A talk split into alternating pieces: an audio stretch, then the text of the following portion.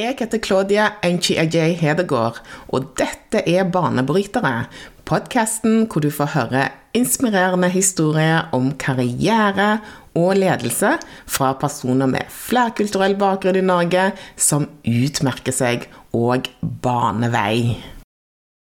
Jeg føler meg fortsatt som uh, den lille jenta Mariam fra Holmlia. Inni meg så er jeg fortsatt henne. Så det er rart for meg at uh, at jeg blir sett på som Kall det en maktperson, da. Det, det føles rart. Men jeg er, vet det, at jeg er i en veldig privilegert posisjon. Og som sjef så har man jo makt, ikke sant, over andre. Kjempeklar over det. Men det er så dette er noe jeg har skrevet om, dette med klassereise. Det ambivalente med det. Både positivt å komme, komme opp, men det er også et sånn savn etter den man en gang var. Um, det er noe jeg har reflektert litt over etter at jeg fikk denne jobben her.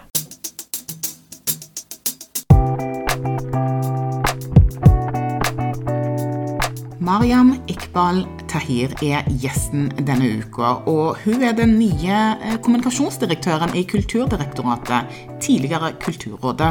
Hun eh, imponerer med en eh, superspennende bakgrunn som journalist i Dagsavisen og VG, og som spaltist i bl.a. Aftenposten. Hun har tidligere vært kommunikasjonsleder for klima og miljø i Norsk olje og gass og har jobba som både juridisk rådgiver og kommunikasjonsrådgiver i Forsvarsdepartementet. Hun er utdanna eh, jurist og journalist med en mastergrad i retorikk og språklig kommunikasjon.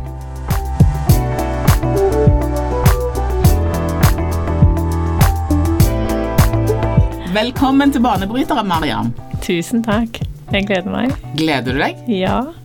Hvordan går det med deg i dag? Veldig bra. Ja? ja, jeg har sett frem til samtalen med deg. Du har så mange flinke folk her, så jeg føler meg beæret over å få være med. Oh, det er veldig kjekt at du ville være med og også fortelle om din eh, reise. Takk. du, um, altså Det er jo to nye, ganske store kapitler i uh, livet ditt det siste året, Mariam. Ja, nå er jeg spent. Ja. Nå, er spent. nå er jeg spent på hva de to kapitlene er. Det første ja. er jo på privatfronten, hvor du er blitt eh, mamma. Mm, det er jo veldig stort ja. og nytt, er det ikke det? Mm, ja, det er det. Ja, sant?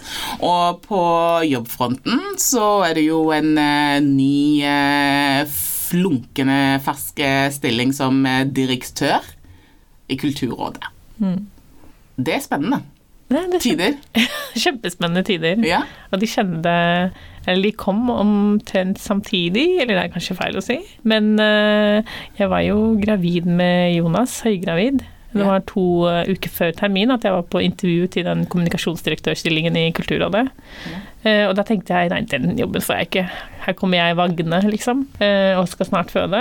Men så ringte hun som er sjefen min, Kristin Danielsen, jeg tror det var to eller tre dager etter at Jonas var født, og så fortalte hun at jobben var blitt min. Jeg var jo helt sånn borte og bare Unnskyld, hva sa du nå, liksom? Er du helt sikker? Ja. Så jeg syns det var veldig kult å få jobben, fordi jeg ble jo um, eh, Når jeg fikk vite om den liksom. Det starter med at å ja, Kulturrådet, hva er det? Og så blir man liksom hm, nysgjerrig, skal man gå på intervju? Og så ble jeg bare mer og mer sånn der Denne jobben vil jeg ha! Ja. så jeg ble sånn der Å, jeg må ha den jobben! Så det var kjempegøy når hun ringte og sa at jeg hadde fått den, da. Så ja. det var veldig Ja veldig gøy. Men, men, var ikke det, når du satt uh, i, i, intervjuet, uh, hvordan, uh, hvordan, var det? Var det sånn at du Var folk redde for at du anytime skulle poppe ut, eller noe sånt? De var mer redde enn meg, tror jeg.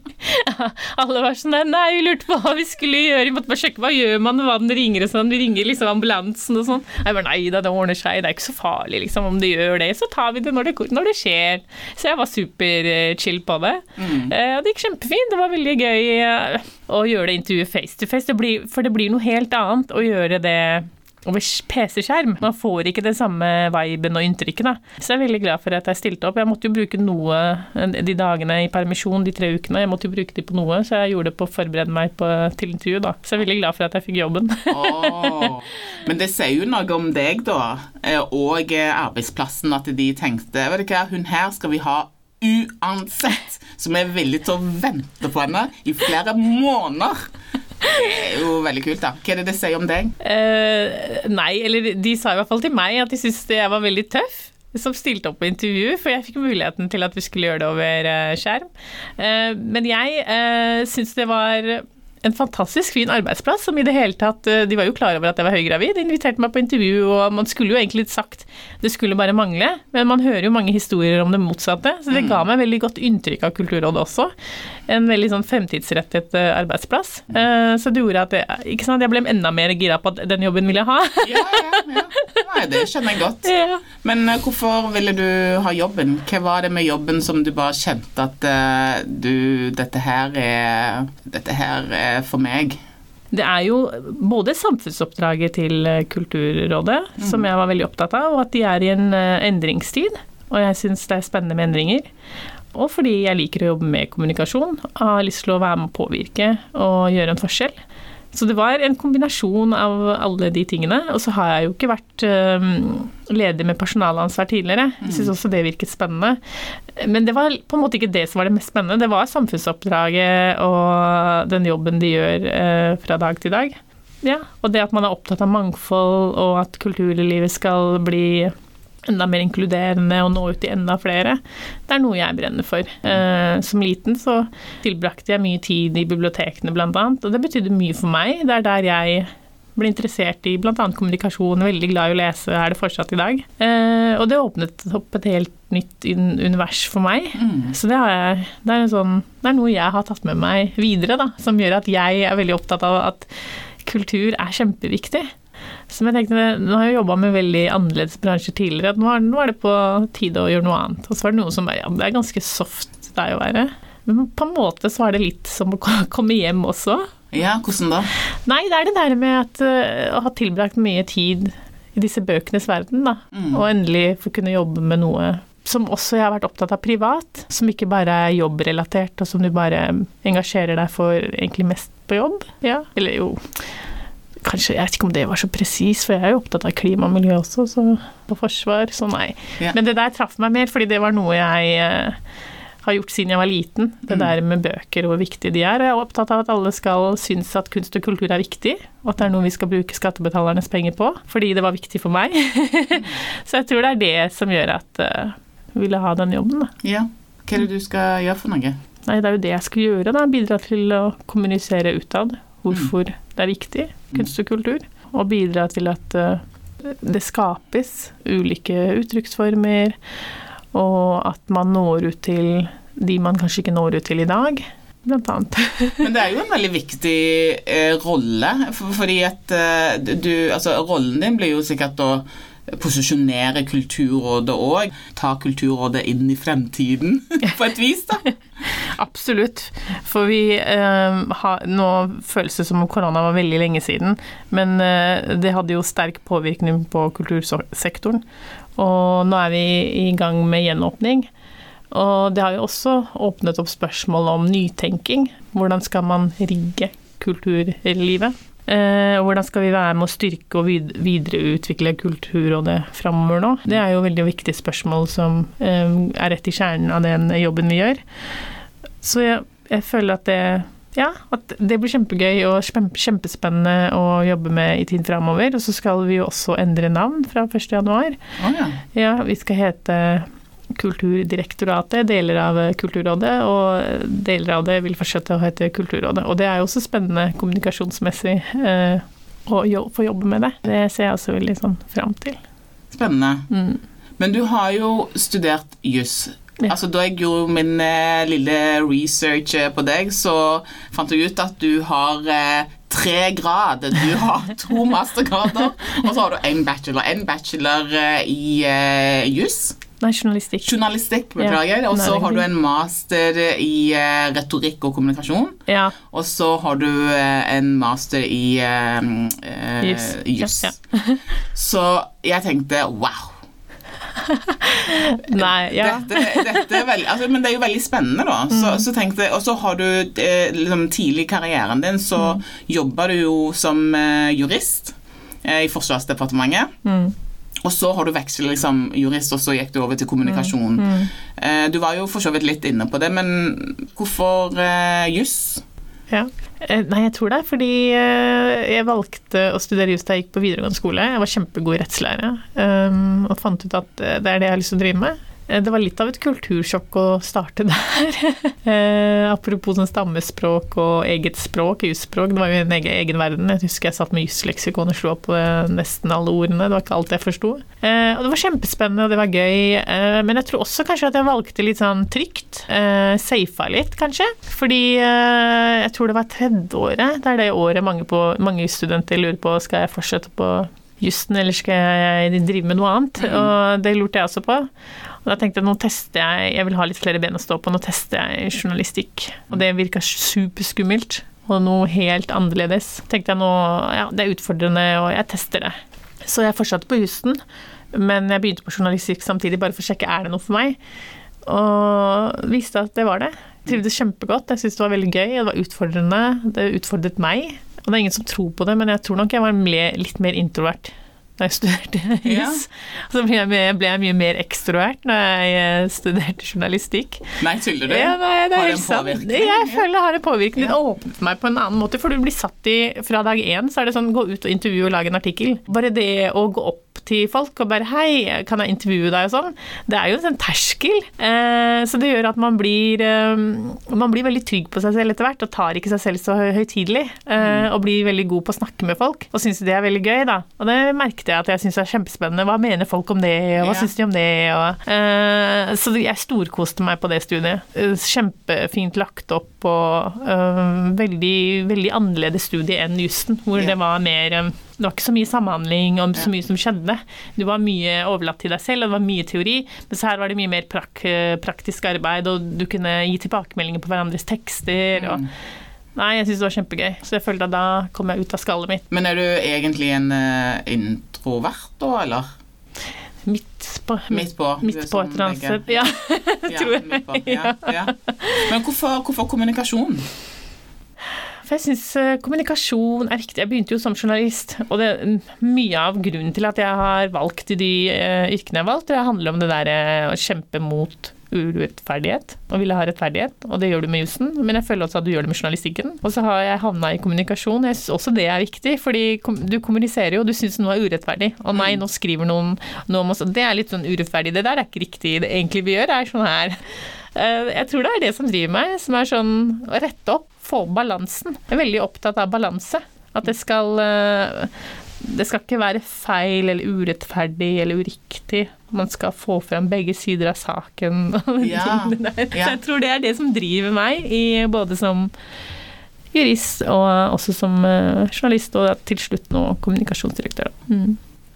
Fordi jeg har lest noen av eh, spaltene dine. Ja. Og selvfølgelig har jeg det. Er Nå er jeg spent. Hva har du lest? Jeg er fortsatt enig med meg selv. Men, men jeg syns, jeg syns de, altså det som jeg har lest eh. Jeg har jo fulgt deg eh, i noen år og lest eh, noe av det som du har, har skrevet. Og så husker jeg du sa til meg en gang at du, du ønsker å måte, ha muligheten til å belyse en annen side av det alle andre mener. Har du sånn behov for å være sånn djevelens advokat? Nei, jeg ser ikke på det som djevelens advokat. Jeg tror det handler mer om å ha vokst opp på Holmlia og barndommen der, og alltid ha fått den der merkelappen at det var noe gærent med oss som bodde der. Eh, Og jeg skulle ønske noen ga oss en sjanse, både i mediene, om det var offentlige etater eller hvem det var, da. Eh, Så skulle jeg ønske at folk ikke forhåndsdømte oss, men viste den andre siden av saken. Og jeg tror det, det, sitter så, det sitter så inni hele meg, er en del av, mitt DNA, at jeg tar det med meg i alle settinger. Så det gjør også at jeg hele tiden streber etter eh, å forstå andre og gi folk en sjanse, og ikke kategorisere, da. Altså selvfølgelig er jeg jo vanlig og vanlig dødelig, jeg òg. Jeg kan jo gjøre de samme feilene i anførselstegn. Men jeg er veldig opptatt av at uh, ja, at man ikke skal forhåndsdømme og si at alle er sånn, eller det er bare sånn, eller den kan ikke noe, eller den er dum, eller Ja. ja, vedkommende det, kanskje. La oss Ja. undersøke litt. Jeg blir litt sånn, da. Ja, ja. Så jeg tror det er der det drivet etter eh, å skrive om en annen side av saken kommer. For jeg skulle ønske at eh, vi på Holmlia fikk den Noen gjorde det med oss. Altså, Føler du et ekstra måte sånn forventningspress om at eh, fordi at du kommer fra Holmlia, så må du prestere eh, enda mer enn eh, the average person, holdt jeg på å si, som ikke kommer fra Holmlia. Eh, så har du noen sånn type sånn forventningspress, enten fra omgivelsene eller på deg sjøl? Ja, jeg hadde det veldig lenge i starten, og har jo prestert mer enn det som er gjennomsnittet. Mm, det ser har man du absolutt. Ja. så jeg kan ikke si nei på det, fordi CV-en min, den lyver ikke. Um, så jeg har, jeg har gjort det, og jeg har alltid opplevd at jeg må prestere mer. Um, Fordi jeg har jo lest opp gjennom oppveksten, at folk ikke får jobbe pga. navnet sitt osv. Og, så og da var jeg opptatt av at nei, det er ingenting i CV-en min som i hvert fall skal si den skal snakke for seg selv, og den skal være så bra at ingen kan si sånn, se på den og si sånn Å, jeg skjønner at den ikke fikk en jobb. jeg har jobba for det. Eh, Så det er derfor så har jeg vært opptatt av det er, det er nok derfor jeg har også tatt to utdannelser. Hvis ikke den ene funka, så skal jeg prøve den andre. Så hele tiden prøvd å liksom føle meg trygg og ta valg som gjør at jeg kan være sikker på at jeg får jobb. Og så kan man jo aldri være sikker, men jeg tror det er det der med å vokse opp med foreldre med innvandrerbakgrunn. At du føler deg ikke 100% trygg alltid, økonomisk eller annerledes. Du føler at du alltid står veldig alene, er din egen lykkesmed og må finne ut av ting selv. Og jeg tror det er det som gjør at du hele tiden prøver å sikre deg, å ha 18 jobber og sånt, Må, må hele tiden bare Men ja, men tenk om. Og så Ja. folk bare Ja, men du kan slappe av nå. Jeg tror ikke du mister jobben. Ja, men tenk om man gjør det, og man hele tiden går rundt og liksom er forberedt på at noe kan skje, og hva gjør man da? Eh, Jeg tror det også er fordi man har ikke sånn hundrevis av år med røtter i et land. Eh, Det er liksom Det er bare én generasjon før deg. Så det, jeg tror det handler om at Jeg vet ikke, jeg. Du vil sikre bare- deg på en måte. Du vil, du vil ha den fleksibiliteten Ja. og den sikkerheten. Ja, ja. Noe å falle eh, tilbake Ja. på hvis Og det skal ikke være Nav, liksom. Ja.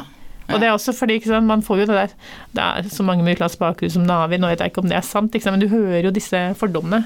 Og da er man veldig opptatt av at nei, sånn er det ikke, og sånn skal det ikke være, og jeg skal bidra til å gi et annet bilde. Og det er noe av det um, jeg også tenker at man tenker fordi det er den de tilbakemeldingene foreldregenerasjonen har fått oppleve, da. At de bare er naver eller ikke har gjort. Så man er veldig opptatt av at nå, nå skal jeg gjøre opp, liksom. Se Mm. her. Og Det at de kom til Norge, det var virkelig verdt det. For meg ikke, jeg, jeg er ikke en belastning for Mm. skattebetalerne. Jeg bidrar, liksom. Hvis man tenker på det. Jeg vet ikke, er det Ja. man, men Det burde jo ikke være sånn. Nei, nei, det burde For, ikke det. nei, så for, for trenger du hjelp fra, fra Nav eller andre, andre, um, andre ordninger, så skal du jo ha det. Det er jo nettopp Ja. det det er laga for. Men jeg tror sånn ting går inn på en mer enn man tenker over, da. Ja, absolutt. Mm, så jeg tror det gjør at noen, noen blir veldig sånn turbopersoner. Skal liksom ordne og fikse og alt for å sikre seg. Nei, fordi, ja, eh, det er jo kjempeinteressant det som du sier, men, eh, men eh, du var jo litt inne på det. Men hva er det som har vært viktig for deg når du har valgt en profesjonell retning? Jeg tror det som har drevet meg, er at jeg har vært opptatt av utfordringer. Uh, vært opptatt av å bli utfordret og utvikle meg. Og hele tiden ha noe å strekke meg etter. Jeg tror det er de tingene. Jeg kan ikke si at det var, jeg hadde en sånn tiårsplan, femårsplan eller toårsplan. Jeg burde kanskje hatt det, for det er mange som har det. Jeg har tatt de mulighetene jeg har fått, og så har jeg sagt ja til alt som jeg har syntes har hørtes skummelt ut. Og det gjør jeg fortsatt i dag. At jeg tenker sånn åh, det var skummelt. Hvorfor sa jeg ja Å til det? såpass? Ja, ja. Og så gjør jeg bare gjør jeg det, så tenker jeg etterpå. Så tenker jeg nå har jeg sagt det, og nå er jeg bundet. Ja, ja, nettopp. Ja, ja. og så vil jeg ikke være hun som alltid trekker seg i siste liten, for det gjør man Ja, ikke, ikke sant. Eh, Så jeg har fortsatt det der eh, i meg, at jeg må gjøre det for å pushe meg selv. Og jeg syns det er viktig å utvikle seg, Mm. og pushe seg og ja. Utfordre seg sjøl. Ja. Pushe egne grenser. Ja, ja. Driver meg på en eller- et eller annet vis. Jeg vet ikke hvorfor. Det er noen som liker å hoppe i fallskjerm og sånn. Jeg liker det her, da. Ja. Høres veldig nølete ut, men det er det som gir meg sånn adrenalin, eller det er det som gjør at eh, blod bruser i min kropp. Det er, eh, det er utfordringer i jobbsammenheng, f.eks. Det jeg er kjempespennende. Ja. Å liksom løse en nøtt. Mm. Hva tror du blir den største utfordringen i denne jobben din nå, da? Den største utfordringen Det jeg syns er som jeg driver allerede og tenker på, som jeg syns er viktig å nå ut med, er jo det vi snakka innledningsvis, om dette med å belyse for kunst og kultur er viktig. Det syns jeg er kjempeviktig. Så det er noe jeg skal bryne meg på og bruke tid på, hvordan vi skal eh, kommunisere utad. Eller hvordan vi skal nå ut med informasjonen. For det er jo noe som må treffe alle, ikke sant. Også de som hører på musikk, de som liker maleri, de som eh, på scenekunst, f.eks. Ja, det er så mange ulike kunst- og kulturuttrykk. Så du må liksom nå ut til alle, at alle skal se viktigheten av det. Det er derfor, derfor også viktig at vi har kunst- og kulturuttrykk som når ut til alle, som alle finner et eller annet. Som de bare åh, det snakker til meg. Ja. Ja. Det blir veldig spennende å følge deg. Å, takk. Å Følge Kulturrådet og Ja. se om eh, dere eh, kommer dit som du nå ønsker å komme. Om eh, et par år, kanskje. Jeg håper det. Vi håper det. Nå som du har denne posisjonen i, i Kulturrådet, eh, kan vi da stadfeste at du er en del av den norske kultureliten? Å, jeg liker ikke å bli kalt eliten, men uh, Jo, hvis du skal tenke objektivt sett, da. Jeg, jeg føler meg som en outsider på innsiden. Ok, hva Ja. betyr det? Jeg føler meg fortsatt som uh, den lille jenta Mariam fra Holmlia. Inni meg så er jeg fortsatt henne. Så det er rart for meg at uh, at jeg blir sett på som Kall det en maktperson, da. Det, det føles rart. Men jeg er, vet det, at jeg er i en veldig privilegert posisjon. Og som sjef så har man jo makt, ikke sant, over andre. Kjempeklar over det. Men det er så dette er noe jeg har skrevet om, dette med klassereise. Det ambivalente med det. Både positivt å komme, komme opp, men det er også et sånn savn etter den man en gang var. Um, det er noe jeg har reflektert litt over etter at jeg fikk denne jobben her. For vi er veldig heldige i Norge, som bor i Norge, hvor den sosiale mobiliteten er så høy. Men ja, det er noe jeg sitter og liksom alltid tenker og reflekterer over. For det er noe med at man har vokst opp med at eh, personer, i, eller personer som har hatt makt, ikke nødvendigvis har vært har utøvd makten som de burde ha gjort. Eller? Når du har vært i møte med offentlige etater eller andre. Eh, og så har de kanskje ikke møtt foreldrene dine på en god måte. Og så tenker du sånn Nå er jo ikke jeg i en sånn posisjon, men man tenker sånn Har jeg blitt en av de? Jeg har jo ikke det. Men det er sånn Det, det var jo det som var makta, liksom. Eh, men hallo, liksom. Det, Ja. det er jo viktig at eh, også personer med minoritetsbakgrunn er eh, representert i maktyrker. Um, Men hvorfor Jeg syns det er så fascinerende, det der med at du ja. Skjønner jo liksom den følelsen av Ja. at eh, bakgrunnen din, at du, du er oppvokst i- på Holmlia, Mm. og nå er du i en ganske så sentral posisjon i en sånn mm. nerve i norsk kultursektor. Mm, Sant? Og jeg skjønner, jo, jeg skjønner jo at man kan kanskje føle at wow, men jeg tenker jo Se hva jeg har fått til! Woho! Jeg er dritgod!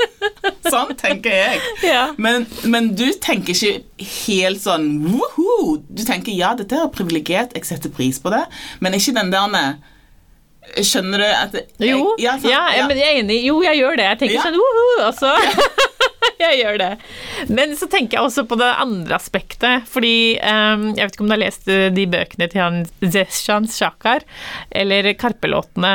Denne SAS-pussy nå vet jeg ikke om jeg sier det riktig, men uh, Shakar har jo analysert den låta til Karpe, og der er det Magdi som sitter i første på første klasse eh, på flyet, og så går det en eller annen um, innvandrerfamilie eller eh, forbi, og så blir han flau og ser ut av vinduet. Det er litt den følelsen.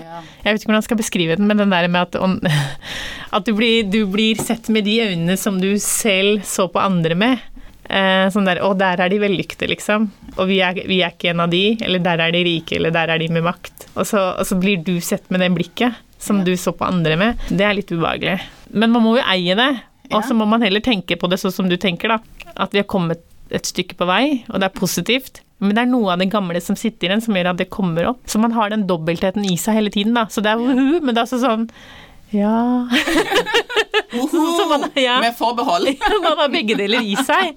Eh, så man har alltid Det er jo det som er eh, Hva skal jeg si det- Privilegiet, eller det, det er det det vil si å ha bena i to kulturer, da. Du går alltid med den dobbeltheten. At det er veldig bra, og samtidig som det er det derre savnet, eller det der hele tiden gjenspeilingen av hvordan det var, som du bærer hele tiden, og du ser begge de Ja, samtidig hele tiden. Og det, det er interessant. Det er veldig interessant. Men det er jo det samme med meg òg. Da jeg vokste jo opp i Altså, vi, vi var ikke vi, er- vi er ikke noen rike folk. eh.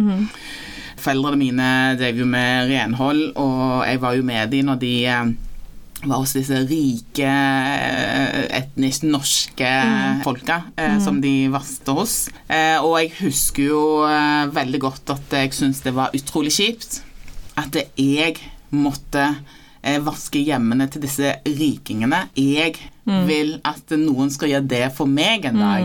Så, så selv om jeg syntes det var utrolig kjipt, det introduserte meg til en annen verden. Som jeg da tenkte at den verden vil jeg være en del av. Eh, Nå eh, så reiser jo jeg til Stavanger, besøker foreldrene mine, barndomshjemmet og alt det der, og, og de eh, driver jo fortsatt med renhold. De samme kundene som de hadde for mange år siden. Og da ser jeg jo, Ja, ikke sant? sant? Ja. Og det, og da, så jeg forstår veldig godt hva du sier. Eh, Hvordan oppleves det, da? Nei, altså det opplever Altså, jeg tenker ikke så mye over det. Jeg Nei. tenker at eh, jeg har gjort et hopp. Eh, Det har du. bra for deg at du har kommet der hvor du eh, er i en posisjon hvor du kan faktisk få noen til å være renholdsperson hos deg. Det var jo akkurat det jeg sa til meg sjøl da jeg var liten. Når jeg var med foreldrene mine til disse hjemmene. Akkurat det jeg sa, og det har jeg fått til. Og da tenker jeg det er helt eh, fint. Åh. Åh, takk for at du delte. og så, det minte meg på det er kanskje avsporing, men da jeg jobbet i Forsvarsdepartementet, så husker jeg at det var veldig mange renholdere med utenlandsbak. Og så husker jeg bare Måten de så på meg på, det var som å ha med foreldrene mine på jobb hver dag. Jeg husker at det var sånn Jeg vet ikke om ordet plikt er riktig, men du føler litt at du gjør, en pli, du gjør din plikt også. At du har et ansvar for de som kommer etter deg. Og det er, det er den påminnelsen da jeg var på jobb også. At det kunne vært deres datter eller liksom deres sønn. Det er et slags sånn fellesskap der.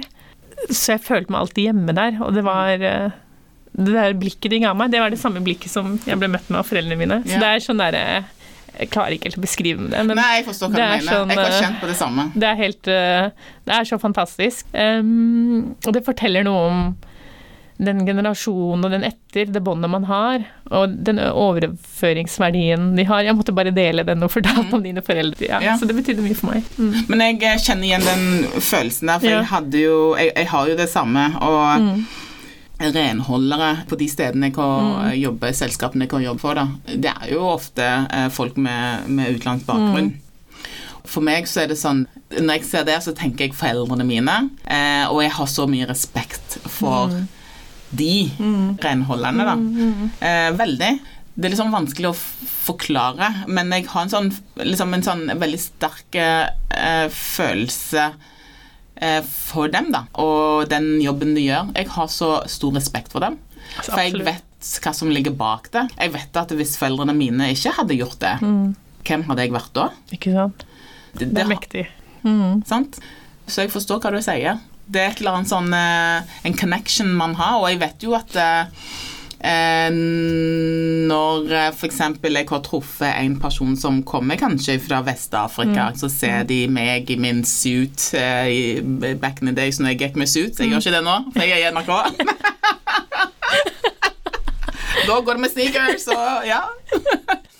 Um, men, men, men sant, så, så er det jo noe med at de uh, De ser på deg med de øynene at eh, OK, OK, well done, kid. Mm. Sant? Ja, Det er og den det er den følelsen der der. følelsen der. Ja. Ja, nå beskrev du den. Og Ja. det er den derre Jeg har jo ikke med foreldrene mine på jobb, men det er så fint at de andre foreldre også, som har slitt på mange måter Mm. som mine foreldre, da, at de ser at det er verdt det. Det er det jeg tror gjør at ah, jeg blir nesten emosjonell av det. Ja, jo, jo, men jeg òg ble emosjonell av det, for det er ganske sterkt, Ja, altså. Og, det, og det er sånne ting man har med seg. Mm. Eh, i ryggsekken. Og så er det med å, å forme beslutninger som vi tar. Det, har, det, det, det former eh, hvordan vi, vi forholder oss til andre mennesker. Mm. Jeg tror det også gjør at vi er litt drevet av plikt også. At vi Mm. føler at vi har en plikt til å ikke bare gjøre det vi syns er gøy, men også at vi må ta noen roller og posisjoner selv om det er ubehagelig. For vi må gjøre det for de som kommer etter oss. Det er akkurat det. Mm. Og så må man gjøre det for eh, I hvert fall jeg eh, gjør det fordi at jeg vil ikke at det slitet og strevet som foreldrene mine har vært gjennom, er forgjeves. Som er Det er det. Ja. ja. Det, det kan jeg aldri tillate meg selv å Nei, gjøre. ikke meg heller. det er en sånn drivkraft som jeg har, men, men også fordi at jeg, jeg vet at det, i mange av de posisjonene jeg har vært i eh, i min karriere karriere, så vet jeg at jeg er den første Mm. Som ser ut som Ja, meg ja, i den posisjonen ja, der. Og jeg har vært veldig bevisst på at eh, gjennom de Mm. rollene jeg har i, og de eh, institusjonene Mm. som jeg, eh, jeg velger å jobbe i, da, Mm. så vil jeg gjøre endring fra innsiden med nettopp å Ja. vise at det kan være en eh, brun person som sitter i en sånn eh, stilling, som sitter rundt bordet Mm. og er med å ha de tøffe diskusjonene og ta beslutninger. Og det er altså kommunikasjon. Og da er du endringen. Du Ja. er endringen. Jeg er endringen. Ja. Og det har jeg valgt å gjøre på min måte. Jeg har Ja. lyst til å endre verden, men jeg har lyst til å endre verden på min måte. Eh, endre holdninger én person om gangen. Mm. Gjør det på min måte, fra innsiden. Mm. Og det er der jeg, jeg føler, og det er der jeg tenker at din nye rolle er òg kjempeviktig. Absolutt. Mm. For alle har et forhold til eh, kulturlivet i Norge. Helt enig. Og det er jo det Det er et sånt ansvar man føler på også når man har en sånn posisjon. Um, At man er bevisst på at man er Selv om jeg ikke ser på meg selv som en rollemodell, så vet jeg at det betyr veldig mange, mye for veldig mange at jeg har den posisjonen. Det er jeg veldig, veldig bevisst, og jeg føler meg også veldig privilegert av den muligheten. Du kommer til å klare deg veldig bra, tror jeg. Og takk. Tenkte du at du noen gang skulle havne i en sånn, eh, en sånn posisjon? Eller eh, ble liksom ting litt til underveis? Um, etter hvert uh, Nå har jeg prøvd meg på ulike ting. Jeg har liksom begynt uh, Begynt som konsulent, seniorkonsulent, rådgiver, seniorrådgiver. uh, og så har jeg vært tillitsvalgt. Jeg har vært verneombud. Jeg har prøvd mange ulike roller og vært fagansvarlig for eh, klima og kommunikasjon. Så det eneste som på en måte har mangla, er jo å ha lederansvar hvor de også har personalansvar. Så det var på en måte et sånn naturlig steg neste for meg. Eh, og jeg syns det er helt fantastisk å få den muligheten, og Mm. ikke minst da at det skjer i Kulturrådet. Hvor det Mm. er veldig mye spennende som skjer, og noe som ligger hjertet mitt nært. Men det virker jo som at du har egentlig hatt en sånn smooth sailing i, i eh, karriereløpet ditt. Har du hatt noen eh, hindre og utfordringer underveis som du har måttet håndtert? Ja, det har jeg. Veldig mange eh, ulike, og det tror jeg alle gjør. Og så er det veldig typisk at når man er der jeg er nå, så tenker man at det bare gikk Det kom gratis. Men det har det ikke. Det har kostet. Både det å ta flere utdannelser og ha den CV-en der, som ikke er gjennomsnittlig, det, det har kostet. og jeg har absolutt møtt på utfordringer underveis òg. Skal ikke gå i detaljene på alle de. Eh, Nei, det er jo ulike utfordringer, da. Både det å Altså En utfordring, hvis det her er en utfordring, da. Men når jeg jobba i Forsvarsdepartementet, og så ble jeg spurt om å jobbe i uh, Offshore Norge, da, eh, som tidligere het Norsk olje og gass, så var spørsmålet skal jeg gå fra å ha en seniorrådgiverstilling i Forsvarsdepartementet, skal jeg gå fra det til å bli en informasjonsrådgiver? Ikke sant? Det er jo en sånn Er det smart karrieremessig? Eh, men igjen så er vi tilbake til at eh, jeg er ikke så opptatt av posisjoner og den biten der. Jeg tror nok jeg er mer Oi, det virka som en veldig sånn spennende arbeidsoppgave. Gøy å få jobbe med En av Norges viktigste næringer. For en bransjeorganisasjon. Her vil jeg jobbe, jeg kommer til å lære masse. Og så var det på, en tid da med Greta Thunberg og klima var enda Altså ikke enda mer, men jo i mye større grad enn i dag på agendaen, for nå er det også andre saker som er i mediebildet.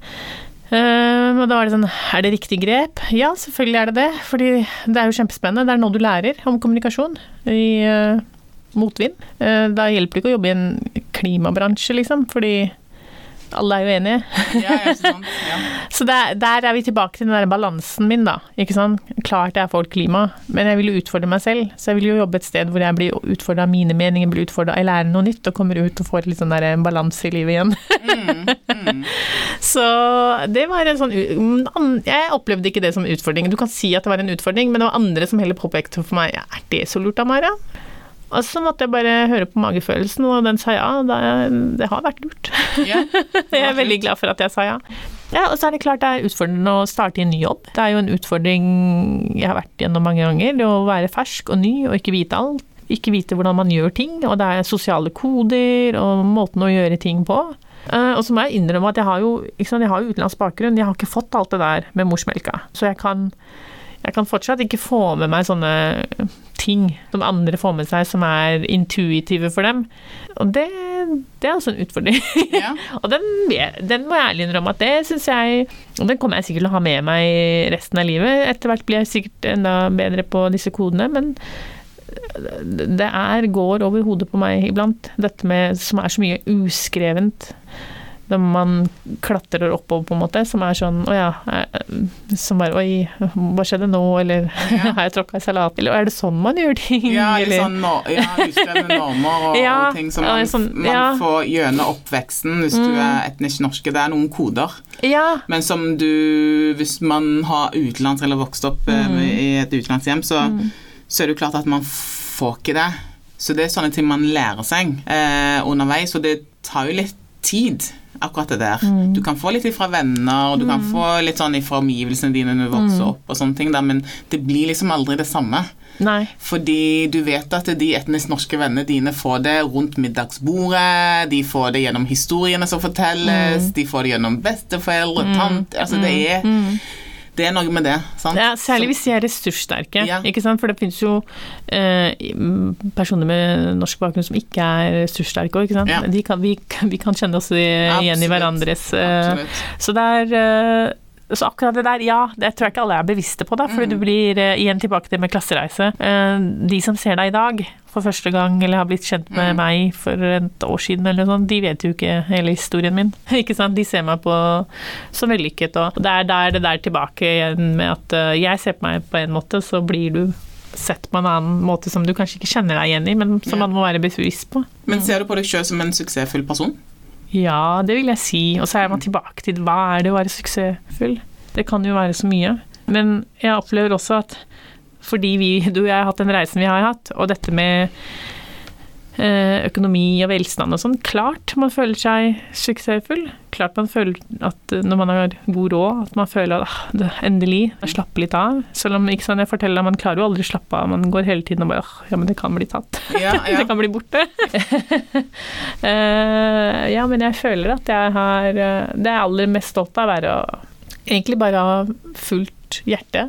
Sagt ja til utfordringer. Og alt har vært greit. At det har ikke vært noe mål for meg at jeg må ha personal, eller det må være sånn, og da er jeg suksessfull. Nei, jeg har hatt det veldig bra i alle jobbene jeg har hatt, og hadde det kjempebra. Også før jeg eh, fikk den jobben i Kulturrådet. Trivdes veldig godt i alle, alle, steder jeg har vært. Og det er det jeg er opptatt av, at der du er, bare ha det kjempegøy. Og ikke tenk hele tiden på neste, for da tror jeg man da tror jeg ikke man er til stede der man er, og får gjort den jobben man egentlig er satt til å gjøre. da. Når man hele tiden er på jaget etter det neste, og da tror jeg heller aldri at man blir fornøyd. Så jeg har egentlig vært fornøyd jeg, i alle jobbene. jeg er kjempefornøyd. Så, ja, så det har aldri vært sånn at jeg må skifte jobb, eller jeg føler at nå må jeg, nå må jeg på neste. På å søke etter jobber og sånn. Og det er et privilegium, da. Det er veldig bøyd. Ja. Absolutt. Men nå som du skal bli leder med personalansvar, hvordan tror du det blir? Det er jo første gang du skal ha personalansvar. Ja, det er det. Spennende. Eh, det er jo en læringsprosess, det også. Eh, og der er jeg veldig ydmyk.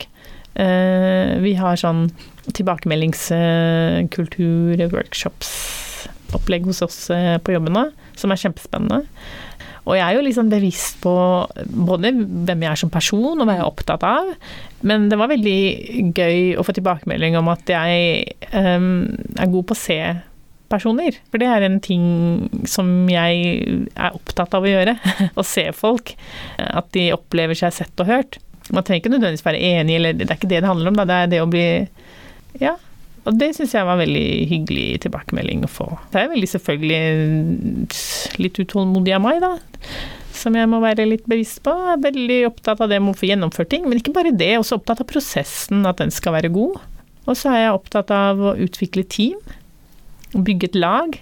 Og, man, og det laget spiller hverandre gode. Det er jeg kjempeopptatt av. Og det er sikkert fordi jeg er eldst av fem. Vi er fem søsken, og jeg er eldst. Du er eldst? Å, ja. herregud. Jeg òg er eldst. Ja, så det, jeg tror det er sånn naturlig greie som kommer. At man er opptatt av at alle skal være venner, og vi skal, vi skal hjelpe hverandre, og sammen skal vi nå målet. Ja. jeg tror det kommer noe derfra. Men det er jeg veldig opptatt av. Dele kunnskap og uh, vi er liksom uh, Det hjelper ikke at alle gjør det bra, men én ikke gjør det bra. Vi er et team. Vi må Løfte hverandre. Ja, det tror jeg også ligger veldig sånn sterkt hos meg. Igjen, ikke sant. Veldig avhengig av hvor man kommer fra. Mm. Men hvorfor i all verden eh, ville du bli leder? Fordi jeg ville gjøre en forskjell. Og så igjen det der med å bygge lag. Mm. Jeg syns det er spennende. Jeg syns det er spennende å jobbe med mennesker, bli kjent med folk. Bygge lagfølelsen, få ting til å fungere. Hjelpe andre med å levere på resultater. Det er noe jeg brenner for og syns det er spennende. Har du funnet rutinen nå med privat, eh, ny mamma? Nesten. jeg tror det er noe litt sånn hesblesende når man er ny, men uh, jeg tror sånn etter hvert så får man en fin uh, rutine. Mm. Jeg uh, begynner å bli bedre på å tenke at det er ikke en sprint, på en måte, men et maraton. Så, ja. så, jeg kan ikke være Jeg kan ikke være supermenneske. Jeg, må, jeg tror den rollen også kommer til å gjøre at jeg blir bedre på å sette grenser. Eh, si nei, kanskje, og de sidene av meg som jeg kanskje som ja, rådgiver kanskje ikke var like flink til alltid. Men det er også en sånn fin bevissthet å ha med seg når man skal lede team, da. Å være bevisst. Eh, at det er så fint at de setter grenser, og lærer dem å sette grenser og si nei. Klart man skal levere, men ikke til enhver pris. Og så er det bare en jobb. Ja, det er bare en jobb, som sjefen min sier. ja. ja. Og det tror jeg er viktig å huske på, og det håper jeg at jeg også har en sånn kultur på, i mitt team, da. Mm. Marian, ja? tusen takk for praten. Takk selv. Det var så hyggelig å bli kjent med deg, og at ja. du delte litt av uh, dine refleksjoner på de temaene vi snakket om. Ja. takk skal du ha.